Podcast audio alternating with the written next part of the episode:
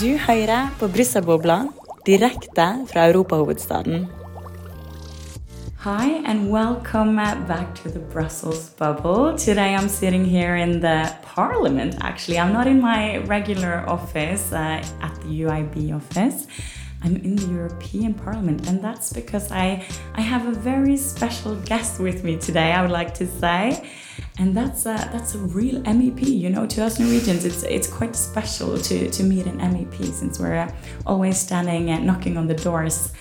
But I would like to welcome you, uh, Kira. Thank you so much for joining us today. Thank you for having me. Yes, it's so nice to have you. Uh, your full name is Kira Marie Peter-Hansen, right? Yeah. Yes, so nice to have you. Maybe you would like to introduce yourself and tell us who you are? Yes. Um, so once again, thank you for inviting me. Um, so my name is Kira. I'm a Danish MEP. Uh, I'm elected for uh, Socialistisk Folk- Folkeparti, so the equivalent to uh, Socialistisk Venstreparti in uh, Norway. Mm-hmm. Um, and I'm sitting in the Greens/EFA group in the European Parliament. And I got elected uh, in 2019. Uh, I was quite young. I was 21 when I got elected. Yeah. Um, now I've been here for three years. Um, and I mostly work on gender equality uh, and economic questions and social and labor politics. Very, very interesting, and we're going to dig a bit deeper into these uh, areas of uh, uh, areas of yours. And it's worth saying that you were actually, or you still are, recorded the youngest MEP elected. So congratulations on that. That's pretty cool, isn't it? Yeah, yeah, I think it's it's it's nice. Of course, you just like do what you do and don't think about your age and your everyday life. But it's it's nice to see that the parliament is younger than it used to be. I think so too. It's always always nice to see. So you're obviously from Denmark and you've been in the parliament since 2019. Uh, but previous to that, what have you been doing? What's your background? Um, I think my background is quite ordinary. Um, I went to gymnasium. Uh, I don't remember the Norwegian word for it, uh, even though I watch Skam, so I should know. Um, and then in my gap year, um, which most people in Denmark do before university, um, I worked for um, my youth organization, my youth party, for the local elections in Copenhagen, um, where I was the campaign leader for um, one of my friends, uh, Astrid, uh, and she got elected to done. the Copenhagen municipality, which was really great. It was the first time in many years that a, a young person or young people in general got elected. So I did that, and then I started university studying economics. Um, but when I started, I was already elected a candidate for the European Parliament. Ah, So I did kind of like both the elections and the university, and then I I ended up here. that is a that is a good background to have, I guess, when you come into uh, uh, politics on an international level too. Because it's it's uh, I wouldn't say that it's similar. My boss always tells me don't compare the EU to anything you already know, but politics is politics in a way, right? But um, for us Norwegians who aren't in the EU, we don't really know or understand how people are even elected to the EU. Do you want to tell us or explain us how it works? Yeah, um, I think maybe it differs a bit in the different European countries, but in general, we have European elections during the same days in the EU. So last time, I think it was from the 22nd to 26th of May or something, um, where all Europeans in the European Union can go and, and vote. Um, and in Denmark, it's the different parties who have their list of candidates. So just like at the Stortingsvalg or, or. Um, and then in Denmark, it's the personal votes that count. So we don't have like a fixed list as I know my German Green friends have. Um, so I was number four on the list. And then um, I got more uh, personal votes than the one who was uh, before me on the list. So then I got the spot. Um, so it's it's quite just like a normal uh, election to parliament. So. So it's a whole list for the whole of Denmark, or is it different lists for each party? I guess it is. Um, no, it's it's the same. Like I have all of Denmark as my constituency, Mm. um, and could campaign everywhere, and people in all of Denmark could vote for me and could vote for the other MEPs. Um, some of the parties have candidates who focus on Copenhagen or Jutland or, Okay. or wherever. Um, and I believe that my German colleagues have like a fixed constituency, then you can only vote within that constituency. But I'm I'm not completely sure. Yeah, because in the parliament compared to uh, the commission, it's a bit different. In the commission, you have one representative per country, but here you you can have several depending on, I guess, it's the size uh, of your country and population of the country. Um, but uh, the parliament itself, uh, do you want to briefly just, uh, explain to us how it's structured? How, how does it work when you get in? Mm. Um, well, we're 705 MEPs. Uh, we used to be 756, if I remember correctly, before uh, the UK left. Um, so 705 MEPs. We're 14 from Denmark, and I believe 17 or 21 from Sweden, something like that. Yeah. Um, so quite small delegations compared to, to Germany being 40 or 50 people or something. Yeah. Um, and then we are organized in different political groups. So you have all the green parties from all of Europe sitting together, all the social democrats. So in our group, we have Miljöpartiet in, in Sweden, and we have SF in Denmark, and the Greens in Germany. And then you negotiate on behalf of the whole group. So not only on behalf of Danish, so SF, but also German and, and Lithuanian and Mm. Swedish. Like the whole alliance, right? Exactly. Yeah. Yeah. Um, and then we sit in different uh, political committees. So there's one on environment, one on health, one on budget, internal market, trade, everything you can imagine. Um, and that's where we negotiate the legislation. That is that is really interesting. And then you have different MEPs that are like the the chair of each committee, right? And uh, and you're the vice chair in in the subcommittee of tax matters. Am I right? So is that like yeah, I know you do different topics and you have different fields of interest, but is that like your main work in the parliament then, or how do you structure your everyday like work? Maybe that's a big question. Yeah, yeah, no, I don't think I've learned how to structure it that well yet. Yeah. Um, but I'm in three committees, or four actually. I'm in the econ committee, focusing on economics, and then under the econ committee, we have this tax subcommittee, where it's not legislation, but it's like a committee where we push the debate on taxation and anti-money laundering and and so on. And then I'm in the employment committee and the gender equality committee. And I mostly work in the employment committee on a pay transparency proposal, where I was the uh, like chief negotiator from the parliament or Mm. the rapporteur, as we as we say down here. Um, and then I also focus on anti-money laundering, uh, where I'm negotiating on behalf of the Green Group. So that's where my like legislative focus lies. But Yeah. you can of course do everything in the parliament. Yeah. When you say push the debate, what does that mean in, in, in, in praxis, as we say? Um, well, for example, it's that we do a hearing in the parliament, in the tax committee, um, on Ireland and like tax practices of Ireland. So, how has Ireland been giving Apple uh, lower tax rates? And where we invite both experts, uh, NGOs, and the Irish uh, finance minister. And in that way, we put focus on this discussion. And the same with, for example, the sanctions on Russian oligarchs.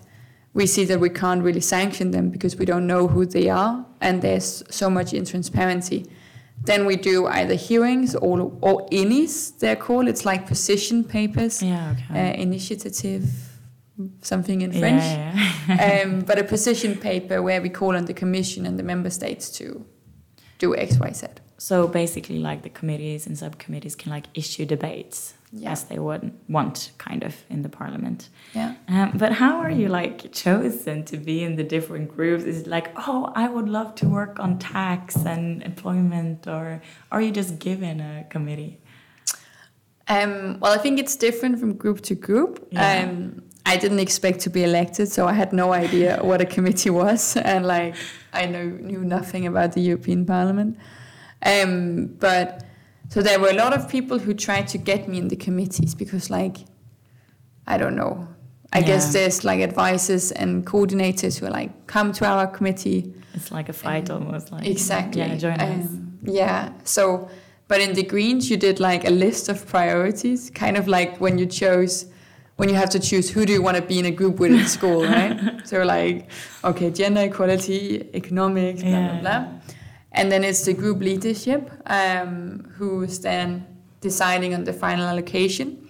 And then in the Greens, we make sure that you don't only have Germans in a specific committee and you don't only have men in the uh, economic committee, for example, um, and that there's a good geographical balance. Um, I think in the other delegations or the other groups, the strength of each delegation means more. So, like the French in, in the liberal group, uh, Macron's party, have a lot to say in, in who gets which seats. Yeah, yeah, yeah. It seems to be a differently structured, and also something interested in. For example, in Norway, you know, like the voting age is equal for everyone, but when it comes to the European Union, European Union, it's different from from each country. Like some has sixteen, some has eighteen, and and it's uh, it's a bit more diverse in how you structure it, I guess. Yeah.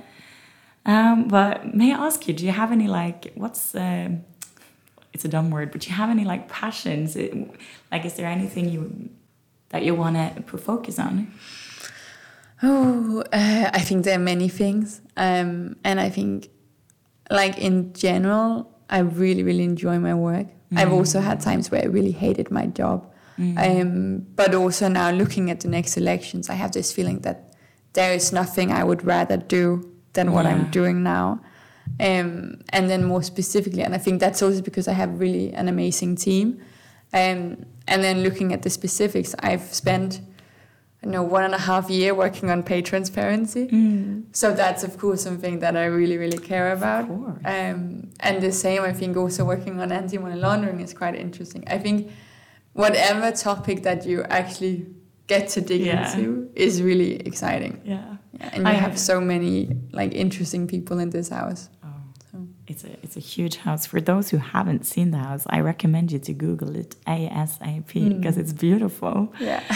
but I totally agree with you. I mean, for me at least, every field of politics is interesting and relevant to each other Yeah. some way. But let's uh, let's go back to to the beginning of your journey a little bit because I think uh, many people are wondering how do you become an MEP? yes. Um, I don't know. No.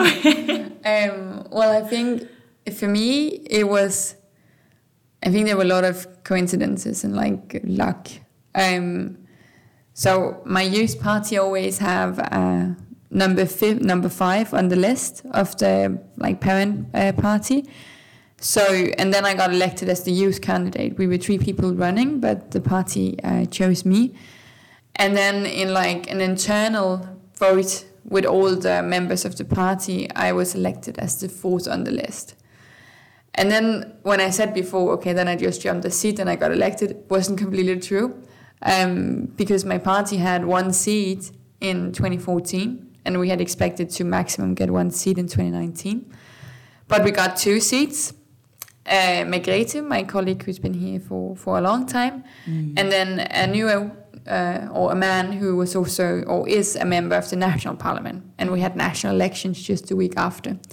So he chose to withdraw from the European Parliament to keep like running for the national parliament, and then I got elected. So I got third most votes in my party. So it was yeah like a combination of weird coincidences, bad planning from my party, I would say. Yeah. Um, yeah. But that that's amazing. It's like uh, best of coincidences, I guess. Yeah, yeah. A bit of a shock as well Yeah. going to, to Brussels three day after. Oh my god, I can imagine. You just packed your stuff and were like, "No, I'm leaving." Yeah, Yeah. yeah. And, and as a political nerd, I, I just want to ask more questions, just uh, to clarify the process a bit. So, each party is like nominating their candidates as MEP for the country itself, and then it's elected afterwards. No, no, there's only one election. Okay. Um, and then you vote. You can either vote individually or on the party. okay. Um, so I think it's quite similar to the Norwegian system, but we don't have the thing where you can cross out candidates. okay. Yeah. So you can just either vote on SF or you can vote personally on me. Mm. If I then don't get elected, the votes will go to SF. Mm. So first, I think when you count the, the votes, you see which party got. Oh, many yeah, yeah. seats? Okay, I got it. So we Got it. figured Yeah. out, okay, so uh, Venstre, the Liberal Party, they got um, they got four seats, and then the day after, you count the personal votes to figure out Which one? who got it. Yeah. yeah. So we've talked a bit about your responsibilities in the parliament. You are in some committees. What else does a MEP do? Um, well, I think an MEP do lots of, like we do lots of different things, um, and you can't find two MEPs who are doing it the same way. Um, I use quite a lot of my time on legislation, um, so I do that quite a lot and like negotiating with other groups and drafting amendments to the legislation. And then I do talks with high schools and gymnasiums uh, quite a lot because I, I think it's fun. Yeah, and it's nice. important. Um, and then I'm less in my constituency in Denmark, where I think my German colleagues they're home quite a lot to do discussions on EU politics in Berlin and Schleswig-Holstein and yeah. all the other places. Um, yeah, I don't really know what an MEP does. Like, yeah. It's a bit like varied, I guess. Yeah. and then you read on the legislation and the topics, and you try to push the debates. Yeah. Very, very interesting. So, if you were to describe a, a normal week or your everyday, how would you do it? Mm. I'm well in my delegation. We had two MEPs from SF, and then we have seven people working with us or something, seven or eight. And we start each morning with a call at nine o'clock for like ten minutes, where we go to what's on the press agenda today. So yesterday there was a new party established in Denmark. Then we discussed that a bit, and like the discussion of Ukraine and EU candidate status and discuss whether we should react on it. And also just to connect because we're two offices here there's one office in, in Denmark. Um, and then in my team, we normally each Monday plan the week. So we look at the agenda and see how many uh, overlapping things are there and then we clean it up. Um, and then typically there is one or two talks with gymnasiums a week, Mhm. uh, I would say. And there is also like some interviews and some other talks and webinars and, and events like that. And then uh, a couple of hours goes with negotiations. Um, and then now, which is quite interesting because we've been like with this COVID MEP generation. Mm. Um, so we only had half a year before we went into COVID, and only last week we started to vote in presence in the committees Oh. before we voted online. So Oh, now yeah, there's yeah, also this transition where before it took us 20 minutes to vote for like a whole week, now it takes us Mm. three hours. Yeah. So this changes also a bit uh, what we can do. Yeah. Oh, that's so cool. Uh, we're kind of running out of time, actually. So I think I'm going to ask you what is highest on your agenda at the moment? Um, well, there's of course always a lot of things like we're discussing rule of law in Poland, uh, Ukraine and candidate status, um, and then this week we just voted on the Fit for 55 package on on the climate transition.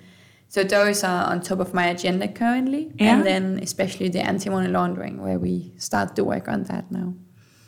Very interesting. So, I guess I'm just going to ask, uh, even though we're running out of time, how do you become an internship trainee in the parliament? Because you can do that even though you're not a member of the European Union, right? I'm pretty sure, yes. Yes, I'm also pretty sure. Yeah.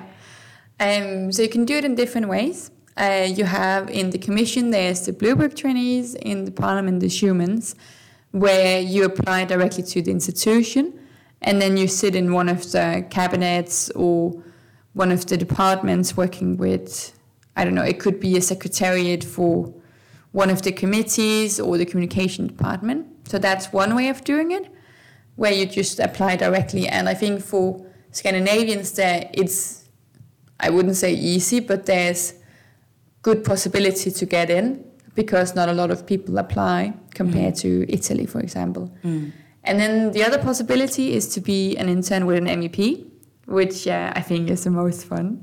um, where you follow the MEP for half a year and, and become a like part of the daily work and drafting amendments and and planning the political work or the communication.